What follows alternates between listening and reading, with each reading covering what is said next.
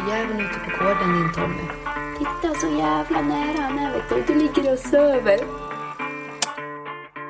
Nej men välkommen till Rovdjursjägarna podcast här. Eh, Du, vi kan ju börja lite grann att du presenterar vem du är. Yes, ja, jag heter Jerry Strid och bor i, i Trollhättan i Västergötland. Eh, Jag är 34 år gammal och bor med en sambo och två små barn. Eh, har ett gäng hundar och jagar så mycket jag hinner. Det är väl det tror jag. Sen jobbar jag som snickare. Annars är det mesta lediga tiden går åt till jakten. Men du har ju också mm, liksom kommit in där på skillern och eh, har ju även en egen kennelverksamhet och avel. Eh, berätta lite grann, hur kommer det sig? Hur kom du in på det och just skiller? Jajamän, ja, från början så var det så när jag var liten. Jag har varit med och jagat så länge jag vet tror jag. Och vi hade någon drever som bara jagade hare och så blev den överkörd och då blev det att vi fick ta över en skillertik som var, kan hon ha varit, hon var typ två år. Det var någon äldre farbror som hade, blivit, hade gått bort så den här tiken stod ju ensam där. Så då tog vi över henne och det var mest harjakt i början. Men sen visade det sig att hon helst jagade räv allt eftersom tiden gick. Så henne tog jag fram till eh, rävchampion när hon var fem år ungefär tror jag. Och eh, hon hade tyvärr blåsljud på hjärtat så på henne blev det ingen avel. Men sen när hon eh, försvann då så köpte jag den här Bergasjön Söka av Joakim Ren. 2014 är hon född. Så då startade väl, då är tanken att jag har alltid varit intresserad av avel och har velat, eller haft som mål att få starta en egen kennel. Så den här Söka då som är född 14 är ju starten på allting kan man säga. Men eh, det har varit en, en bra eh, rävhund. Ja, hon har ju egentligen eh, jagat in mig på räv kanske. Hon har ju velat jaga, jag började jaga med henne ungefär när hon var sex månader. Försökte ta det så lugnt jag kunde. Jag hade ju bara henne då så det är ju svårt att hålla igen. Men eh, hon har jagat från början. Hon var väl väl hårdskälld som ung kanske men har alltid haft ett jäkla stort rävintresse. Och sen tog jag ju första kullen på henne. Hon blev ju champion när hon var två och ett halvt tror jag. Det var nog precis innan hon fyllde tre. Och så tog jag första kullen på henne där när hon fyllde tre. Och det är ju den här kullen nu då med Arrak som vann SM i helgen. Eller torsdag, fredag nu. Hur liksom har du gjort för att jaga in de här skillerstövarna? då? Ja, det har varit lite varierat men eh, framförallt eh, har jag fått lära mig att det ska vara liksom så mycket tid som möjligt i skogen för hundarna. Så det är mycket annat som har fått stå åt sidan och så har jag försökt hålla oss hundarna så mycket som möjligt. Och sen eh, har det varit, jag har försökt att blanda så mycket som möjligt. Liksom inte bara ge dem synobbsläpp eller färska spårsläpp eller bara gå på snö utan jag har försökt att variera så mycket som möjligt. Här nere finns ju nästan ingen snö. Har man eh, tur så har vi ju knappt snö på hela vintern för jag som sagt, det förstör ju mer än vad det gör nytta. Det är roligt en dag att jaga på snö, annars har jag helst barmark. Och eftersom vi har så lång säsong så släpper jag på varierar, försöker släppa på åtlar och någon synobs och även försöka släppa det jag tror att man kanske inte ens får upp en räv för att träna lite sök och sådär. Så jag försöker variera så mycket som möjligt när jag jagar in hundarna. Det här med Jägaråsen, att ni hade två stycken eh, SM-deltagare här då och även vann med Arak här. Eh, vad, Ja. Hur tror du det kommer sig? Liksom, är, det, är, det, liksom, är de bättre än övriga hundar eller liksom? Nej, alltså skiller, jag kan inte framhäva skillnaden som ras vara mycket bättre än något annat. Det visar ju liksom statistiken på att det är ju främst individer som är, sticker ut. Det finns ju bra hundar av alla raser, men om man ser till statistik överlag på SM som varit så är det ju framförallt skillern och finstövaren som sticker ut. Och kanske är snäppet bättre än de andra om man kollar som helhet i alla fall. Om man ska se på rasen som stort. Sen eh, är det oftast en finne som vinner eller har varit det sista. Så det var jäkligt kul att det för en gång skulle vara en skiller som kom längst fram nu då. Ja men det här SMet, hur eh, upplevde du det? Var, det var ju ganska dåliga förhållanden. Ja, det syns ju på resultaten och hundarna har haft det svårt, framförallt andra dagen. Och eh, för min egen del så första dagen så hade vi, vi släppte där och fick ett slag ganska omgående som eh, Bibi gick på i ja, drygt två timmar tror jag. Slutade vid en lada. Och sen gjorde vi ett par omsläpp under dagen, men hon markerade liksom inte rävslag på ett enda ställe till så man kan inte begära mycket mer heller. Det var lite samma andra dagen för henne. Det var, vi hade bara ett ställe som hon markerade rävslag på. Det gick hon på en och en halv kilometer och väckte till ett gryt. Så den låg redan inne och sen hade vi inga mer slag så jag kan inte begära mycket mer av henne heller. Hade man haft tur hade ju rävarna varit ute men nu låg båda inne och, får man inga mer slag så kan det inte hända så mycket mer än att det blir en nolla tyvärr. Dag två där, var, var det något speciellt vid det gryt eller hur var det? Ja, hon slagade in den här, eh, gick ju och väckte långt och så skulle vi åka runt och bara konstatera att det var gryt.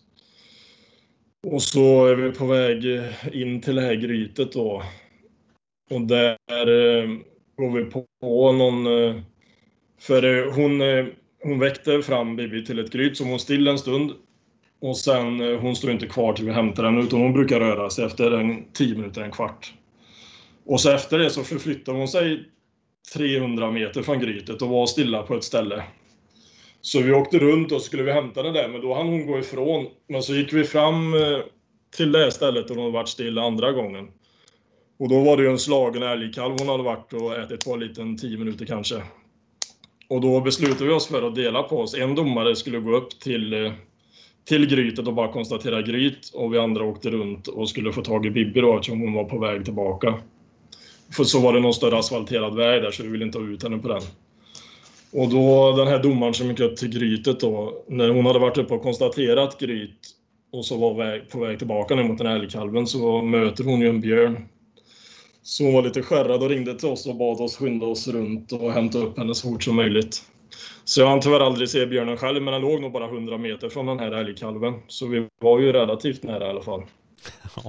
det var inte så lämpligt kanske att köra något grytblod där och inte med den där lufsandes där. Nej, lite så. Jag var lite sugen. Jag har ju inte tillfällighet eller möjligheter att träna på björn här nere så jag var lite sugen på att gå in och testa Bibi men vi var ju tvungna att göra annat tyvärr. ja, jo, kan tänka mig det. Du fick ju en ganska bra köpare där med Stanley Hedlund här. Eh, har du liksom eh, pratat ni mycket så ni vet hur han har gjort för att få den här jägaråsens arack för att vinna det här SMet? Vi har inte supermycket kontakt, men han eh, jagar ju mycket i dålig terräng. Han jagar ju jättemycket på öar i Göteborgs skärgård och det har jag också provat på på andra öar än där han är och det är ju tufft för hundarna alltså. Kala klipper, alltså bara rent berg och så är det lite buskage inemellan. Och så blåser det ofta rätt mycket och saltvatten så det är ju supersvårt för hundarna att driva så det är nog en jättebra träning för dem där ute. Liksom anpassa drevsätt och allting för att hålla räven igång. Det gjorde nog nytta kanske andra dagen för då hade han ju där han körde full tid var ju riktigt eländig terräng tydligen. Där den ena domaren var imponerad över att han hade lyckats hålla igång räven i 90 minuter för det var ju både branta stup och kala berg och allt möjligt. Så det hade han tydligen gjort riktigt bra. Så det är väl en stor fördel antagligen att han jagar mycket i havsnära miljö skulle jag tro. Jo, den här eh, Stanley då. Jag var ju och para söka hos honom första gången, så Arrak är ju en parningsvalp ifrån den parningen. Så han ägde ju även hanen. Så han vart ju trea på SM med den, det är ju superlänge sedan nu. Den var ju född 08 den här Ante. Så han har ju varit trea på SM med den tidigare. Och jag har ju varit trea på SM med Söka, så det är ju många SM-deltagare bakåt i lederna med. Men hur tyckte det var att jaga där i eh, Västernorrland? Och... Ja, jag var, nej, jag var nog Västernorrland båda dagarna. Eh, andra dagen var vi ju rätt nära förläggningen. Vi var ju precis utanför Timrå där kan man säga. Och sen första dagen var jag på en superfin provruta som var lite norr om Höga Kusten eh, och så ut mot havet på en halvö. Ja, jättefint område som var... Det var liksom en eh, väglös ruta på 5 gånger 5 kilometer med ett jättehögt berg i mitten. Så det såg ju superfint ut. Men rävarna verkar ligga inne och hade inte rört sig så mycket så jag tror nog att det hade kunnat gå bättre om vädret hade varit på våran sida. Så jag gillar absolut terrängen och de flesta verkar ju ha haft både bra vägvisare och marker. Så jag tror de flesta är nöjda med själva evenemanget. Det kanske också var det, därför att en Schiller vann nu också, att det var lite svårare. Det känns ju som att generellt så är de kanske lite, ja inte lika kräsen på spår. Och ja, jag vet inte. Det, det var svårare förhållanden också. Nu var det därför kanske han också hade jagat is i de här svåra förhållandena. Så hade han det längsta strået där lite grann. Ja, jag kan tänka mig att han har lite nytta av det. Och sen som sagt, när det är så få slag så gäller det att nypa tag i det, det som presenteras. Och det kanske är till fördel för en skiller. De säger ju ofta, de som kan, att eh, är det svåra förhållanden så eh, ligger skillern oftast bättre till än övriga raser. Vad har du för hundar idag då? Du har den här Bibi och sen så har du några Eh. fler också. Ja, jag är ett helt gäng. Jag har eh, Bergasjön Söka då. Hon är ju nio och ett halvt eh, skillerstövare. Och så har jag Bibi. Hon är född 2019. Sen har jag en foxterrier som eh, är, den är drygt ett år nu bara, så den är knappt prövad. Den är från Gamekeepers kennel. Så vi får hoppas det kan bli något vettigt av henne. Och sen har jag ju även då en jämthundstik som heter Torvspetsens Alva som jag haft några kullar på. Och så har jag sparat en valp efter henne och sen står jag som ägare på en drever så det är lite fullt upp. Liksom är favoritjakten ändå, är det rävjakten eller säger du bara det för att du pratar med oss nu? Nej. Nej, det är absolut favoritjakten. Och fördel, alltså det jag tycker är roligast med rävjakten är ju att se hundarna utvecklas och liksom, de ställs ju ofta på större prov än, än till exempel en älghund kan jag tycka. Och eh, ensamjakten värderar jag högt. Jag tycker det är jäkligt skönt att bara gå ut kanske själv eller bara två, tre stycken som har full koll på rävjakt och inte massa andra passkyttar som eh, är med och stör och har massa åsikter. Utan jag tycker det är gött att bara vara ute några stycken och släppa varsin stövare. Jag har för mig att när vi jagade att, att det skulle byta ras. Eller var det bara något du sa till oss? Ja, byta ras. Jag kan tänka mig att testa en ras till och det kommer jag absolut att göra. För, eh, och det är ju finne i sådana fall. Eller det kommer jag att göra. Jag kommer att pröva en finne för eh, man vet ju inte vad man missar om man inte testar det, tänker jag. Och jag har inte jagat med supermycket finstövare heller, utan jag har dömt några stycken och tycker de verkar trevliga. Och kollar man på statistik på prov och så här så utmärker de sig ju. Så jag är absolut sugen på att testa en finne och kommer att göra det för att jag kommer inte gå ifrån någon skiller utan jag tänker testa och ha lite av varje. Ja. Man får inte dö nyfiken. Nej. Erik, eh, har du någon tips när det gäller finstövare där? Köp bara. Köpa det. Nej, det. Du har ju testat lite samma. Du har ju både, som sagt, i söker de här så är det ju finstövare redan. De är ju från det här rasvårdsprojektet. Mm, Och där har ju du haft samma korsning, Erik. ju. ja, och eh, det är ju...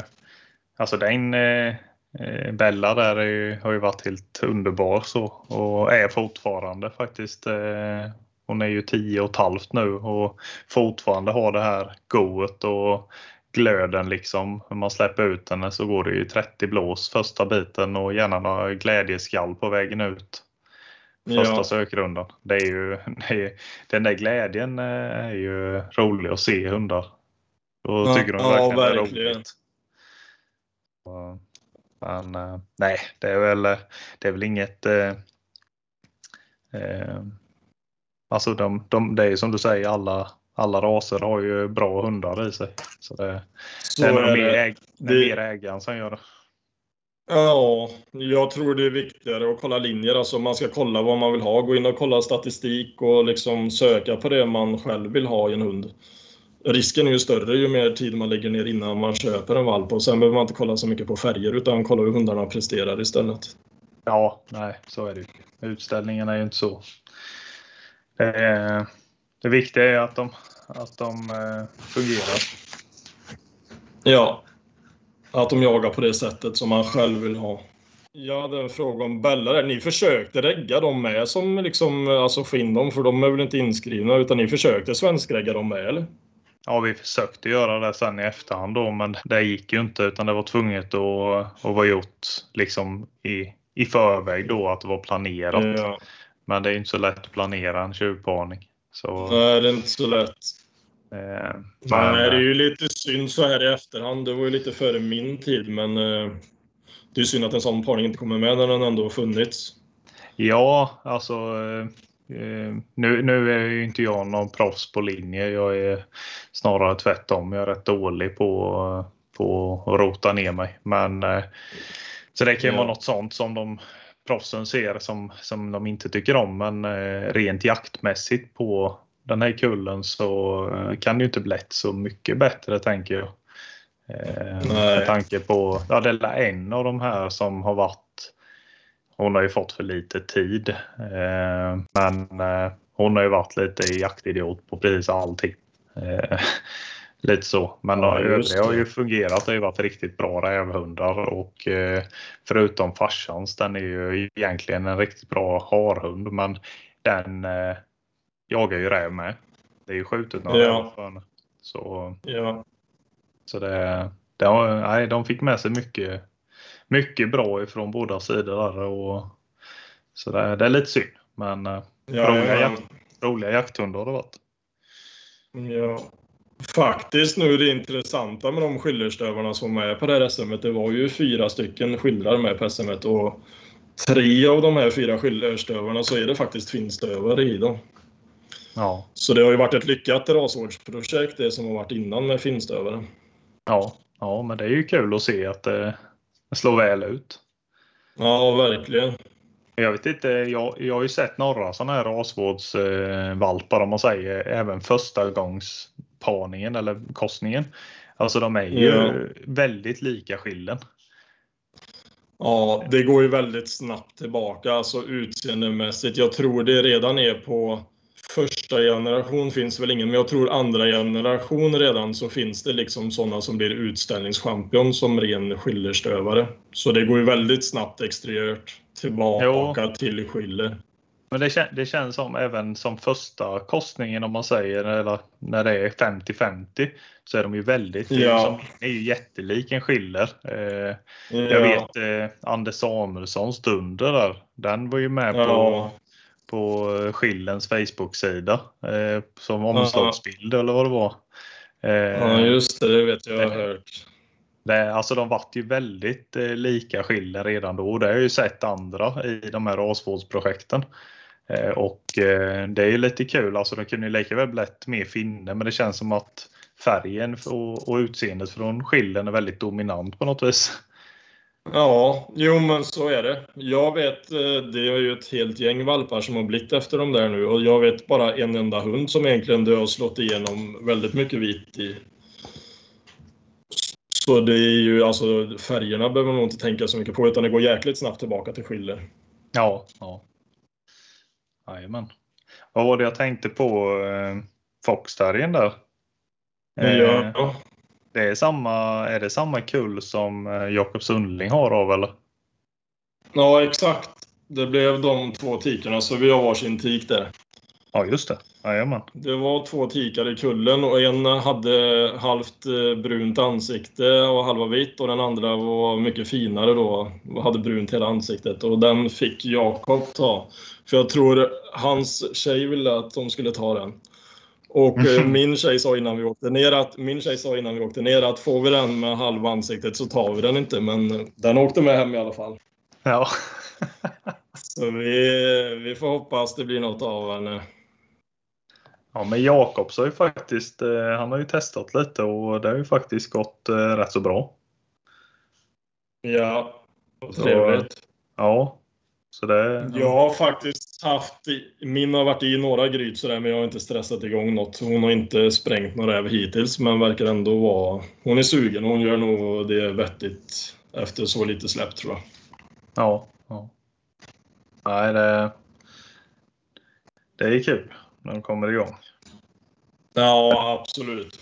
Du, du har haft terrier innan med eller?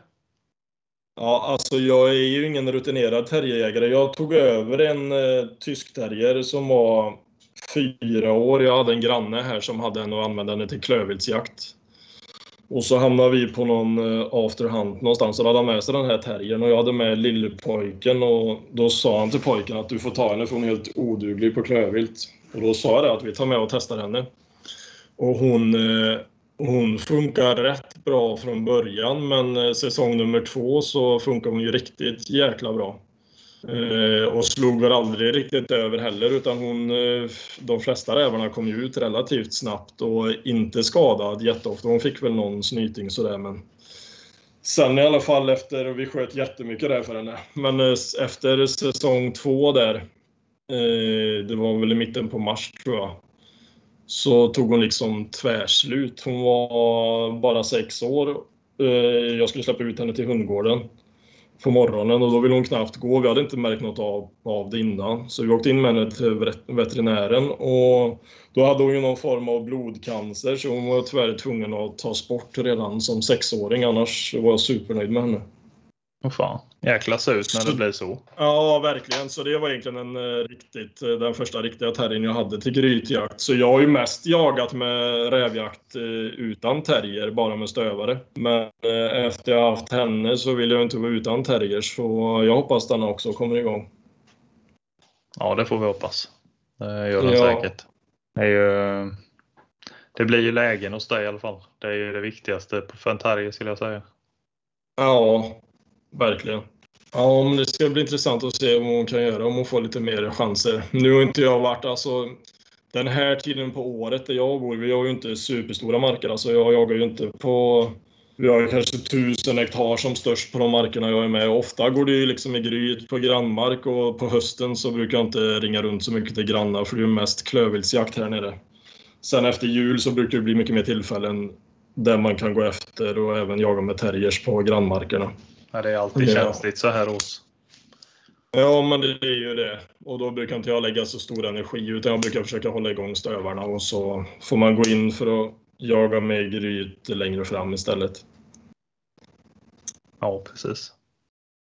Men råkar de gå i på rätt mark så det är klart jag prövar. Ja, ja.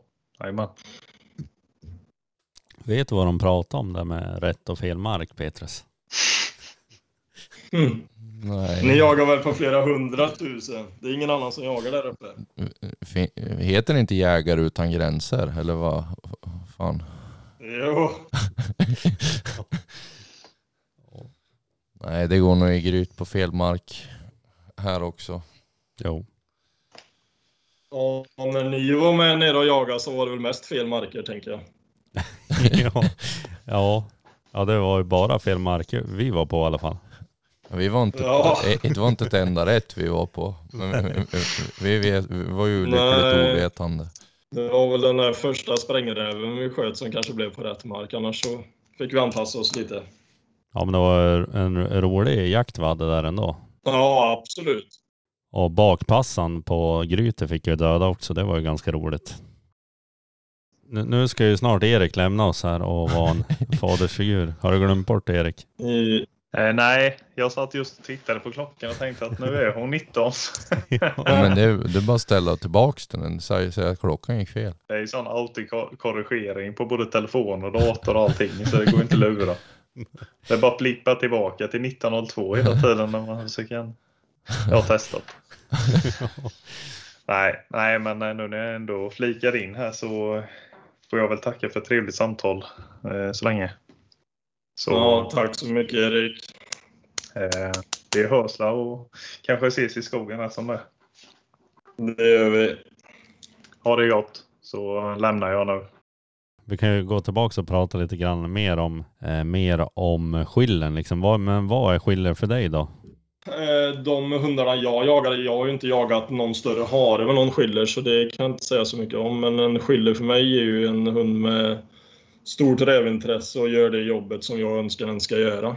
Eh, oftast eh, bra jaktlust, tåliga hundar. Inte så stora och tunga som eh, kanske vissa andra raser utan lätta smidiga hundar som tål mycket jakt. Bra skall oftast. Sen finns det olika linjer om man nu kollar på hur man vill ha sin egna hund. Alltså inom de flesta raserna så finns det ju någon eh, en del som jagar räv vill ha långsamma hundar som väcker mycket, alltså driver långsamt för att hålla räven ute och är lösa både på slag och drev. Och sen finns det de linjerna som är lite mer hårdskällda och även lite snabbare. Så det finns ju lite allt möjligt att vara beroende på vad man vill ha, tycker jag. Men oftast stark jaktlust och bra rävintresse som helhet. Dina linjer är de, de här som plockar de här lite kallare slagen också och mm, verkligen försöka få upp den här räven? Ja, det tycker jag väl. Eh, sen ska jag inte säga att de går på supergamla slag, men eh, de nyper ju ofta tag i slag och behöver de så går de i flera timmar. Men eh, här nere där jag jagar så är det ju oftast upptag inom ett par kilometer i alla fall och eh, inom ett par timmar om eh, vädret är med oss och de inte ligger inne. Och sen eh, tycker jag väl att de jag har, de eh, avancerar rätt bra på slag. De rotar sällan fast i slagen utan eh, de tar sig ganska snabbt framåt tycker jag. Och det ser jag som en fördel. Jag gillar inte riktigt hundar som eh, kan köra fast på ett hygge 100 gånger 100 meter och måste ha med sig spårstämplarna därifrån utan då kanske de gör en större ring istället och får med sig slaget längre fram och avancerar därifrån. Sen är ju mina linjer kanske lite mer hårdskällda än eh, många andra. Som den gamla sökare jag har. Hon eh, släppte väl knappt ett växtskall på barmark förrän hon var sju år kanske. Och sen finns det ju de eh, linjerna med som väcker från början och är, som jag tycker, kanske lite för lösa på slag. Så där, man ska, kollar man bara linjer och efter det man vill ha så finns det lite av varje på skillern med.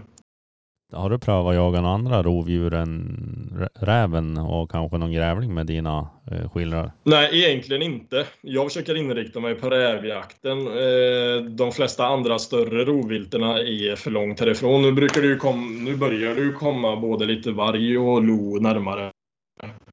Men jag tycker vi har haft för få Alltså för, för få möjligheter att göra något vettigt av det för att jag ens ska ha engagerat mig i det ännu. Så jag, mitt mål när jag har skaffat stövare är att försöka få fram en ren rävhund. Jag har inte ens jagat eh, grävling kan jag inte påstå med mina. Utan det är 100% räv egentligen. Sen har jag råkat skjuta någon mård och sådär inemellan, men jag ska inte kalla dem för någon mårdhund heller, utan eh, de är 100% rävhundar kan man säga. Ja, vad skulle jag säga? Jag kom på en jävla bra fråga som jag glömde bort nu. Jag vet inte, Petrus kanske kommer på någon bättre. Men hur kommer det sig att du valde en Fox då när, när vad heter det, tysken gick så bra? Det var nog mest tillfälligheter egentligen. Eh, det var, jag satte upp mig både på någon eh, tysk parning och foxparning och nog även mig spelade inte rasen så stor roll. Det var mest att jag ville ha en, eh, en sprängare och det var utbudet var väl inte så stort så då föll det på en Fox. Jag tyckte det var för få parningar att välja på. Så det var nog mest tillfälligheten tror jag. Annars skulle jag absolut kunna tänka mig en tysk igen. Beskriv arbetssättet just den tysken hade då. Nej, men hon var alltså... Ehm, hon var ganska rörlig. Hon eh, bröt med jämna mellanrum och liksom var ner och sen eh, ju mer rävar vi sköt, ju mer på blev hon med rävarna så de kom ju oftast ut snabbare och snabbare. Det var sällan det blev någon som liksom bara blev kvar och låg i grytet och då gick hon väl på lite för hårt ibland det sista så hon fick väl några, några gånger fick hon väl lite stryk men det var aldrig så att vi var hos veterinär med henne utan hon klarade sig skapligt bra. Men hon hade väl rätt sätt. Hon var både rörlig och så lagom hård på dem. Så de eh, flesta sista månaderna där var ju ute inom 10 minuter skulle jag säga i alla fall. Så jag lyckades ju till och med med båda barnen på grytorna flera gånger och skjuta räv och då behöver de komma ut fort för att det ska funka. Ja det har inte Tommy lyckats med än. Ja. Nej. Men vi har ju haft med oss folk som är värre än barn. Ja. Ja. Nej, och sen har jag som sagt ingen jätteerfarenhet av grytjakten heller, utan det är ju den här tysken som jag har jagat med och sen har jag varit med lite kompisar, men jag har ju inte superstor erfarenhet av grytjakten annars. Jag har inte så mycket att jämföra henne med. Mer än att vi sköt mycket räv. Nej men på de här tio minuterna så var han ut flera gånger då? Ja, absolut. Och eh, sen vill inte jag lägga... Jag jagar ju helst med stövarna så jag är inte intresserad av att lägga fyra timmar på ett gryt efter någon stövare har kört in en räv utan kanske max en timme och sen vill jag kunna ta hunden och gå därifrån. Men det var sällan vi kom upp i den där timmen. Och sen var hon lite svår att kalla ut i slutet där så då kan det hända att jag fick gå och sätta mig i bilen och så kom hon när hon kom och då brukar hon komma när hon såg att ingen var kvar. Nu kommer jag på den här frågan. Hur har klövintresse varit på de här skildrarna som du har varit i kontakt med? Eh, varierat. Och sen är väl jag kanske fel person. Jag själv är väl rätt dålig på att ta ur klövintresset kanske. Alltså man kan lägga mycket mer tid på klövintresse än vad jag själv gör.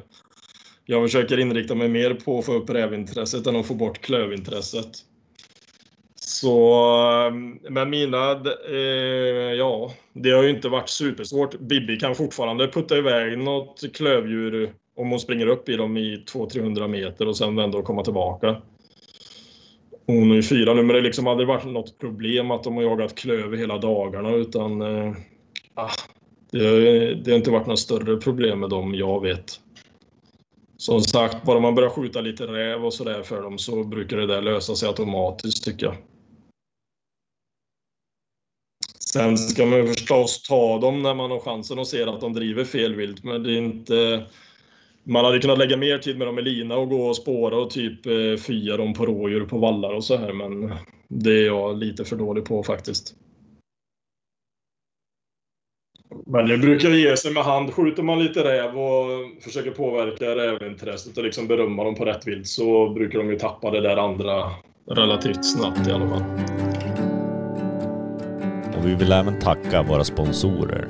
JK Hunting, Hunter och ET Naturateljé. Ja men du som har varit på ändå fler SM, hur var liksom, hur, hur var det att vara här i, hos oss liksom? Nej, jag tyckte det var supertrevligt. Jättebra arrangerat med förläggningen och allting var nog, det var nog det bästa jag varit på tror jag.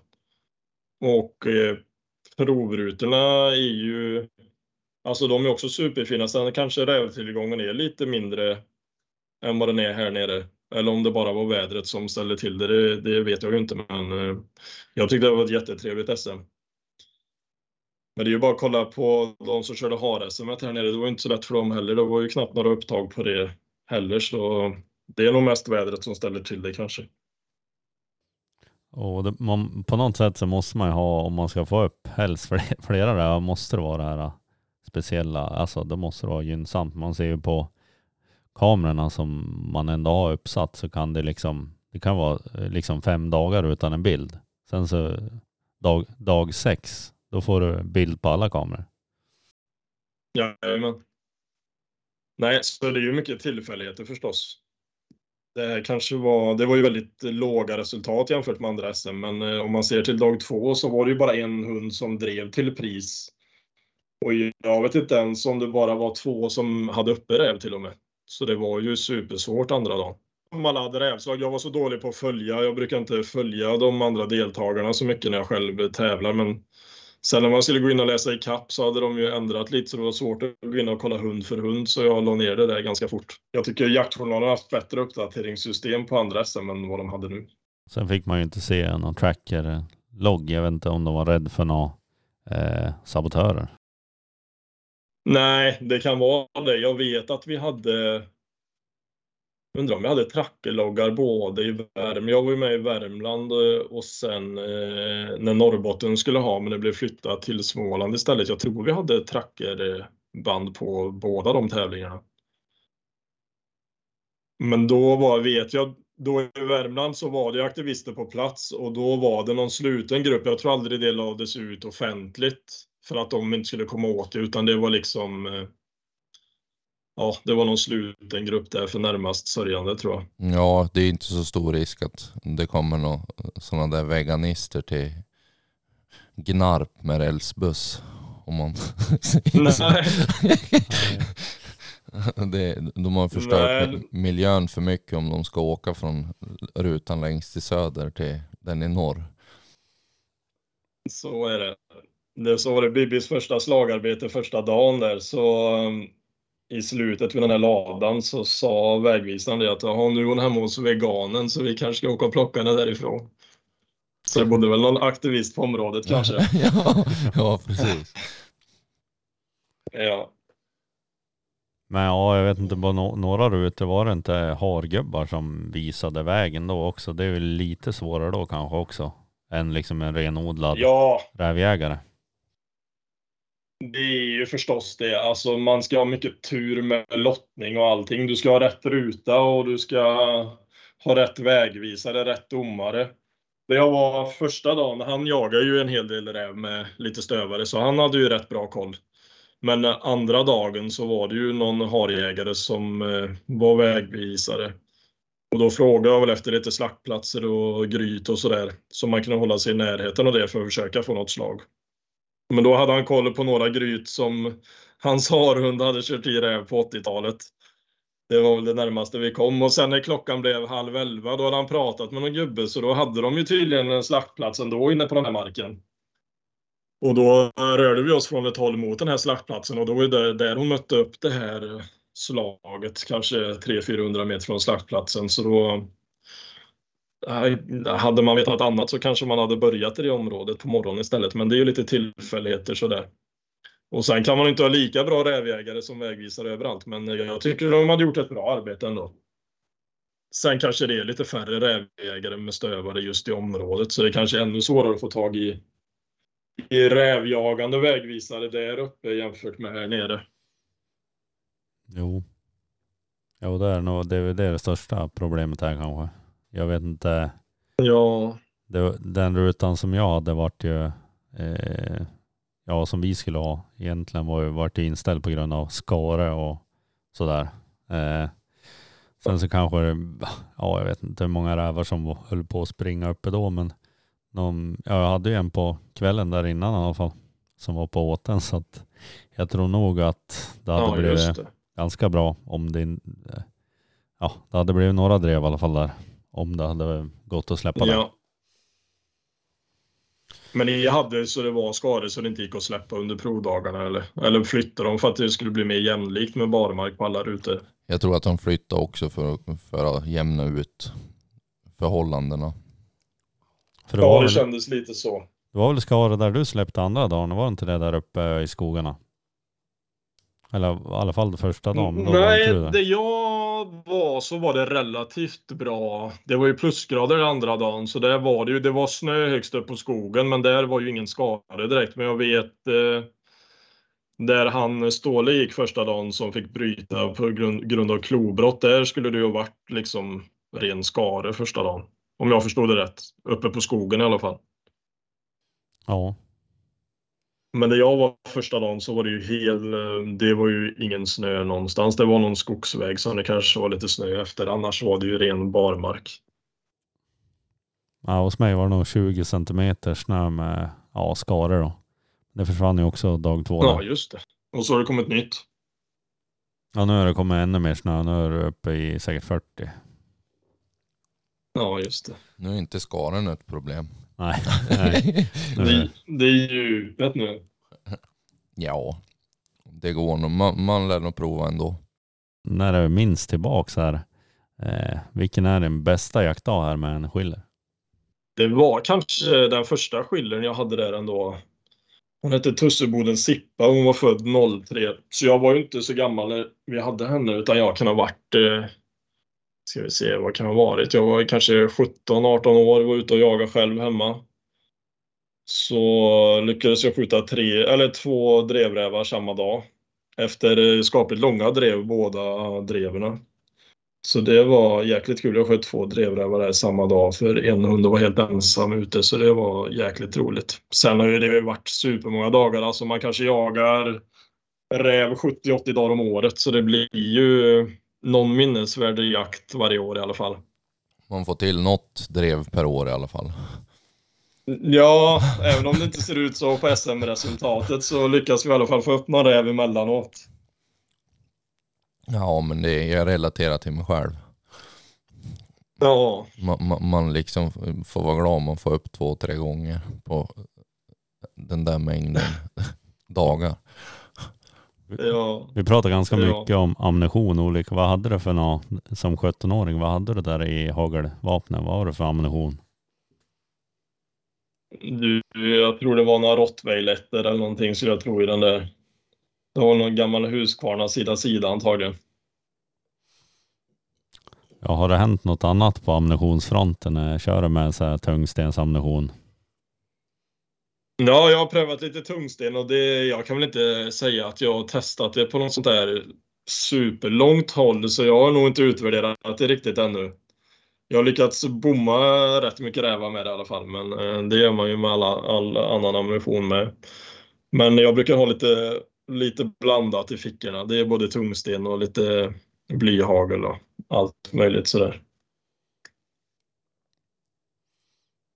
Ja, och sen försöker man ju få tag i några sådana här spridarhagel som börjar bli populärt i grytjakter och man måste pröva lite. Men eh, jag har inte utvärderat supermycket av det heller. Det är roligt med mycket grejer i alla fall. vi kan ju säga att vi, vi har ju bommat med all slags hagel vi har prövat i alla fall. Ja. Är det någon ni inte har träffat med då som liksom utvärderat så ni har valt bort dem sen? Ja. Alltså aldrig har träffat med. Något som några jag inte tror på det är de här cleaver. Tungstenshagel. Ja. Men och vi ska ju pröva göra något test här eh, framöver. Något vetenskapligt eller så vetenskapligt det kan bli i alla fall. Eh, och bara se. Jo, men det är ju jäkligt intressant. För jag är superdålig på att testa. Man köper ju bara liksom på hörsägen och så testar man eh, ju ute i skogen när man jagar. Men det är ju kul att få några sådana riktiga test på ammunitionen istället. Ja, Tommy har ju två katter som vi ska stoppa i någon låda på och provskjuta på 80. Ja, Och sätta upp någon GoPro. Så. ja, precis. Ja, Exakt. då, då kan vi inte ha någon tracker-kod sen nästa SM. nej. Men för att försöka vara lite seriös, visst eh, är du väl avelsråd för Schiller va? Jajamän. Ja, precis. Jag har varit med i avelsrådet där i tre år, fyra år kanske. Tre, fyra år i alla fall. Vad är det på gång där då? Vad har ni för någon filosofi där för att stärka rasens eh, avels, eh, ja så det inte blir så mycket inavel. Det var väl lite problem där också. Ja, det, börjar, det blir ju liksom tajtare och tajtare i de flesta raserna skulle jag tro på stövarfronten. Så där har ju föreningen bestämt nu att vi ska para in de här serbiske Gonik nu då. Så det finns en tik i Sverige och så har vi tagit in en hane ifrån Serbien. Den här tiken fanns redan i Sverige sedan innan. Så det är väl meningen att eh, den hanen ska komma på plats, den är på plats och ska jagas in. Den är nog inte ens två år än tror jag. Så ska den startas på prov och eh, ställas ut i Sverige. Och duger den till det så ska den ju användas i, i aveln då. För att bredda avelsbasen. Och den här andra tiken då som ordföranden i Skilleföreningen har, Kjell Larsson. Hon är ju både startad på prov och utställning så hon eh, blir det väl förmodligen en kull på under nästa år skulle jag tro. Så det är ju där vi är idag. Och det blir inga mer finstövar eh, parningar då? Blandningar? Eh, inte som det är nu i alla fall. Eh, vi, eh, diskussioner förs ju hela tiden om vad som ska användas och inte. Och jag tycker väl att man ska försöka vara så öppen som möjligt för olika raser. För eh, det finns ju en risk att eh, det här, alltså det finns ju en chans att de här två individerna går i avel och lämnar superbra och liksom tillför rasen jättemycket. Men med avel så vet man ju aldrig i förväg utan det kan också bli åt andra hållet att det liksom kanske inte blir meriterade avkommor och så vidare. Så då kanske man ändå borde ha det lite öppet och eh, i sådana fall använda sig av någon annan ras kan jag tycka. Men vi får se vart vi kommer i det. Men nu är det de här vi hoppas och tror på. Och sen vet jag inte hur går det för dig Petrus. Det blev någon parning där men jag har inte hört något om din parning. Mm, det gick åt helvete. Kan man Det säga. gjorde det. Ja, alltså det blev, det tog inte. Det vart ju fyra hängningar men det ble- kom, vart inget resultat. Nähä. Nej, så det, henne kommer jag inte prova para Men med. den, den, den tiken har haft valpar innan eller? Jo, Hon fick eh, tio stycken första kullen. Jaha. Sen har jag provat paron två gånger. Och han är ju också pröv. Ja, ja, ja. Så Jaha. det, troligtvis så lär väl någonting ha gått paj på henne. Ja, vad, vilken otur. För annars kan jag se det som en möjlighet nu. För du skulle ju para henne med en skillerstövare där ju. Ja, kapten Ren. Och eh, ja, in i Smålandsrasen. Mm. Och eh, hade man då kanske kunnat få möjligheten att använda någon av den nästa generationen efter den parningen där tillbaka i skillern till exempel. Då hade man ju redan tjänat en generation. Jo, Så det hade ju också varit en variant. jo. Så jag tycker man ska vara så öppen som möjligt för att liksom rädda avelsbaserna. Jo, jo men precis. Men nu har vi väl, ska vi prova att para vad heter det, avkomman jag har kvar. Med samma hane. Ja, Hon, ja, men det kan bli kanon. då. Ja. Det tror jag. Det får vi tro på. Nej, för som sagt, som vi varit inne på förut, den här finstövarinaveln nu, eller rasvårdskorsningen där på skillern har ju slått ut jättebra. Men sen eh, testade de ju någon liknande variant före min tid. Jag vet inte om det var i början på 2000-talet här kanske.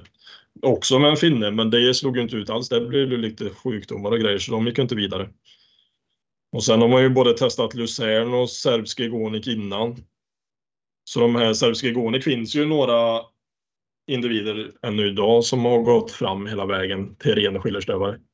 Och även Luzern är ju gjort någon parning med som har gått vidare. Som finns i rätt många som är långt fram idag. Så man ser ju att det gör nytta med, med att korsa in lite annat med i så smala raser.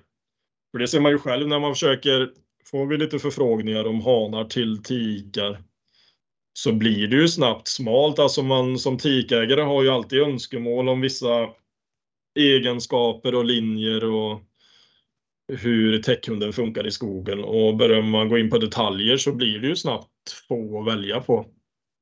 Så är det ju. Vi har ju en hanhundslista idag där vi utgår ifrån att välja hanar när vi kollar på hanar till tikar och där finns det ju drygt 50 olika hanar att välja på. Men det är ju många som är släkt med varandra så de eh, går ju snabbt ner till väldigt få när man kollar på någon täckhund. Ja men precis, men har ni samma liksom problem som Smålandstövarna har? Att det är färre hanar som meriteras eller är det bättre på skiljersidan där? För Smålandstövarna är det ju väldigt få hanar som meriteras tyvärr. Ja, jag har ingen statistik, men om man ska ta rätt ur huvudet vad man har för känsla av det så känns det väl som att det kanske är alltså i närheten av 50-50 i alla fall. Det är rätt bra meritering på hanhundar ändå, tycker jag. Men eh, meritering på stövar, stövare överlag är ju egentligen alldeles för dålig. Jag som sagt, jag håller ju på lite med älghundar också. Går man in och kollar på jämthund till exempel så är det ju relativt vanligt att över 50% i kullarna är jaktprovsmeriterade. Går du in och kollar på en stövarkull så får du vara glad om eh, 20% är meriterade. Och det är egentligen statistiken vi lever på som avelsråd, eller vi som håller på med avel. Det är den man har att förlita sig på. Så man hade ju önskat att eh, många fler valde att starta på prov. Jo, jag kan ju inte mer än hålla med där. Alltså, det är ju liksom, eh, sen behöver man absolut inte hålla på och tävla. jag är väl själv inte kanske någon tävlingsmänniska på det viset, men det är jävligt kul mm, att eh, starta något prov bara för att eh, uppfödare och eh, ras ska få någon alltså form av avelsutvärdering och ser att hundarna jagar. Många ser det ju som en tävling, alltså, eller de flesta ser det som tävling. Alltså de vill inte starta en hund som de själv anser inte håller måttet. Men jag brukar säga att det är nästan minst lika viktigt att starta de dåliga eller sämre individerna än de som är stjärnor. för att få liksom en, eh, en stor helhet över hela raserna. Alltså om man ser en kull, det kanske är en stjärna. Om man har en kull på åtta hundar och så är det åtta som startas och så är det en som sticker, märker ut sig och liksom är en stjärna och de andra kanske är knappt medelmåttor. Än om man har en kull då som eh, sex, sju stycken är kanske champions i och kanske en lite sämre. Då får man liksom helheten om vilken kull som är bäst och vilka egenskaper de har. Får man då liksom bara den här stjärnan som startas i varje kull och inte de dåliga, då vet man ju egentligen inte, inte om de här som har sämre egenskaper. Nej, precis. Och, och det är ju liksom bara starta ett prov och så sen så är jag helst ett prisprov så att det liksom blir en, en bedömning. På. Jo, men jag tror också att de flesta är rädda för att misslyckas på ett prov. De vill inte starta ifall det liksom inte blir ett prisdrev. Och många andra man har hört som är framförallt eh, kändare rovdjursjägare kanske, som inte tycker att provverksamheten är uppbyggd på rätt sätt. Men då tycker jag, jag hörde någon podd med Niklas Friberg sa ju något eh, superbra att eh, han kanske inte, om jag förstod det rätt, så gillar inte han provreglerna heller. Men för att hjälpa rasen och aven så tycker han ändå att man behöver starta sina hundar på ett eller två eller flera prov för att de ska bli, döm, bli bedömda av en oberoende person. Och det tycker jag är superviktigt och tycker han sa jävligt bra. Och jag tycker många mer borde ta efter det. För även om man inte gillar själva provrörelsen så är det ändå bra att det utvärderas och bedöms av en oberoende. För sen alltså, även om man inte gillar provreglerna och eh, tycker att det kanske är framförallt, jag vet många som tycker att lösa hundar främjas på ett jaktprov och kanske långsam hund som som håller igång räven mycket längre. Men eh, när jag själv ska liksom välja täckhund eller kolla på olika alternativ när det gäller avel så brukar jag tycka att det är viktigare att liksom läsa provberättelsen. Jag kanske inte tycker att den hunden som har 65 egenskapspoäng är den hunden jag söker utan jag kanske har en annan. Jag kanske inte vill ha en hund som väcker på slag och då har den inte så hög egenskapspoäng kanske. Om man vill ha en hund med stor jaktlust, stort sök, driver snabbt, driver långsamt, det kan man läsa i proverna. Det är ju viktigare att se det där än bara hörsägen tycker jag. Jo, nej men jag kan inte mer än hålla med. För det blir liksom just det där att eh, det finns ju en provberättelse som du säger och det går ju att läsa. Ja men jag vill ha en sån här och en sån här hund. Att ett första pris behöver inte vara den som är bästa jakthunden utan det är liksom vad man själv är ute efter. För jag menar, det är ju... Absolut. Vill du ha en hund som driver snabbt i gryt så ja men då är det ju bara läsa det till vilka som gör det då. Exakt. Jag menar det står, står ju liksom... Så därför är det viktigt att de flesta kommer ut. Ja, exakt. Och jag menar du kan ju behöva ta upp fyra rävar för att få ihop till ett första pris. Så det, är, det handlar ju liksom om vad man vill ha. Sen vore det en ganska intressant, en rolig grej och ha någon sån här, eh, typ ett riktigt jaktprov också. Sån här fullbruksprov eller fulljaktprov eller vad man skulle kalla det. Där man jagar, alltså jagar räv i gryt ja. och så sen ska man ha ut den ur grytet. Så de har en sån här tävling de har i Finland, man ska döda, eller jag vet inte, man ska liksom lyckas så många gånger som möjligt och se vilken som kommer vinna, vilket lag som kommer vinna ute. Ja, exakt. Ja, verkligen. Nej, men jag tycker alltså många som lyssnar här idag kanske inte har startat sina hundar på prov för att det finns de som känner att jag vill inte lägga, alltså förstöra en jaktdag på att starta på prov. Men eh, boka bara upp ett prov då och så ta med en domare ut i skogen och jaga som du brukar göra. Kommer även på drev efter 10 minuter om en skjut ändå. Det är ju inte hela världen, men eh, någon annan är ändå med och bedömer hundens prestation under dagen. Och är det som man får någon räv i gryt under dagen så kan man ju bara gå och plugga hålen och hundarna ska vara lösa fem timmar på ett prov. När de varit lösa fem timmar så kan man ju avbryta provet och, och så åka och jaga med terrier i de här grytorna man fått in rävar. Alltså man kan ju bara ta det som en helt vanlig jaktdag för att hjälpa till i avelsarbetet. Jo, för i slutändan så vill ju de allra flesta köpa valp efter meriterade föräldrar. Så det är liksom... Det är inte för mycket. Exakt. Den, eh, den ekvationen gillar jag inte riktigt. Alltså det är många som ringer och så ska de köpa efter så bra hundar som möjligt och så mycket meriterat som möjligt. Men de är inte så sugna på att meritera något själva och då kanske jag tycker att man inte borde vara lika noga med att köpa efter de bästa då utan köpa grannens hund istället. För övrigt så Friberg här, han gick ju ett första pris med Ebba för en, precis en vecka sedan. nu. Så han, Ja just eh, det, superkul ju. han lever ju upp det han surrade om i alla fall. Ja, han kanske börjar tävla med nu då. Jag hoppas på det. Nej, man kanske skulle ha anmält någon hund här på prov. För jag har ju en omeriterad eh, hund i hundgården just nu. Jag hoppas det i alla fall. Många är ju så rädda för att misslyckas med. Alltså det är ju bara att gå ut och köra. Blir det två nollor på rad så jag tycker att en nolla kanske visar mer på egenskapspoäng än vad en etta gör. Alltså som de här dagarna vi hade i Västernorrland nu och hundarna får slita för fullt hela dagarna utan att liksom kanske lyckas med något. Det visar ju på jaktlust mer än om de driver en hel dag tycker jag. Ja. Viljan att få upp.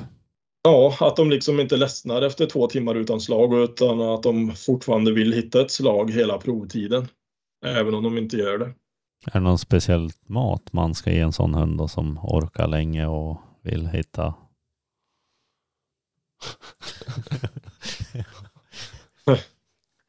Det vet jag inte. Nej, Men Kanske just det att ge dem mat. ja just det. Ja, det Ja, ladda upp dem ordentligt. Det finns ju många andra poddar som håller på med mycket hundmat och sådär så det, det går nog att höra sig till med någonstans hur man ska göra. Ja, så att de inte liksom äter sig mätt på rävåtlarna. Ja. ja. Då kan man bli måttligt irriterad när de fastnar på någon jäkla åtel någonstans. Men det brukar jag tycka är roligt när de här hargubbarna kommer och så sen så har man en, stövare som går och äter på en åtel i en timme. En annan ser ändå ganska lite så, Ja. så här van att ja, ja, vi ska inte vara kvar här så länge. Men Nej. de där går, de är, är tjockare när de kommer hem än när de får ut liksom. Ja, exakt. ja, nu, nu går de på slag här och rotar bara ja. Ja, jag tänkte vi kör några snabba frågor men eh, vill du säga någonting till våra lyssnare innan vi kör de här pistolsnabba frågorna? Nej men alltså som jag sa innan, jag uppmanar alla att starta på så mycket prov som möjligt för att hjälpa stövarraserna framåt. Det är väl främst det. Och att de får en skitjakt i skogen, alla som lyssnar. Och så tänkte jag också, hur kommer man till ett SM? Hur fungerar det för de som inte vet? Eh, Du ska ju först få fram hunden till eh, att bli elitklass klar då. Du ska starta på, du ska ha två öppenklass för att få starta elitklass. Och då um, kvalar du oftast in på ett elitklassprov, ju ett tvådagarsprov.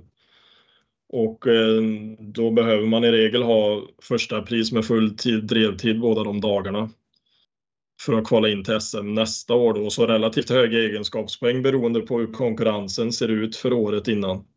För som vi som startar nu då på SM detta året, de tas ju ut baserat på de tio bästa provresultaten på elitprov sedan säsongen innan. Och är det så att det inte är elithundar, att det inte är tio elithundar som anmäler sig, då kan man ju an, även anmäla en öppen en hund kan kvala in på ett öppenklassprov, men jag tror ändå de måste vara elitklara eftersom eh, SM är ett elitprov. Är det något, något krav på rådjursrenhet? Ja, det tror jag att det är på alla SM i alla fall. Det var i alla fall det nu. Men det, det är nog krav på RR på alla SM, det skulle jag tro. Och det brukar de ha på de här större fasta elitproverna med alltså typ Smålandsräven och Västgötaräven och Ölandsräven och allt vad de heter. Det brukar vara RR-krav när det blir tävling. Yes, nu kommer några snabba frågor här. Yes. Eh, rävjakt eller älgjakt? Rävjakt. Hårdskälld eller lös? Ja, alltså det beror ju på vart man ska dra det, men eh, hellre en lite hårdskällare hund då. Om vi säger 9,3 eller 6,5 då? På de lite längre eh, drevrävarna, alltså längre håll. Eh, sex och en halv. En gryträv eller en drevräv? Drevräv. Eh, rakrepeter eller cylinder? Rakrepeter. Spårsnö eller barmark? Barmark. Drilling, bock eller halvautomat? Sida sida. Ja, vad, vad tar du bänkpress? Jag vet inte, jag orkar lyfta, bära foxterriern till grytet i alla fall. Jag vet inte när jag testade att lyfta bänkpress senast, så jag har faktiskt ingen aning. Vad, vad väger foxterriern? Hon väger ju fem kilo, så det är lagom. Jajamän. Ja. Nej men tack för att du ville vara med på den här podden. Ja, men tack så mycket själva. Det var trevligt att vara med. Så kanske vi syns i vinter. Ja, Förhoppningsvis. jo, gärna. Ja, Du skriver till för att prata med Petrus. Jag, jagar och jagar. Jagar och jagar, jagar. Med dina kompisar.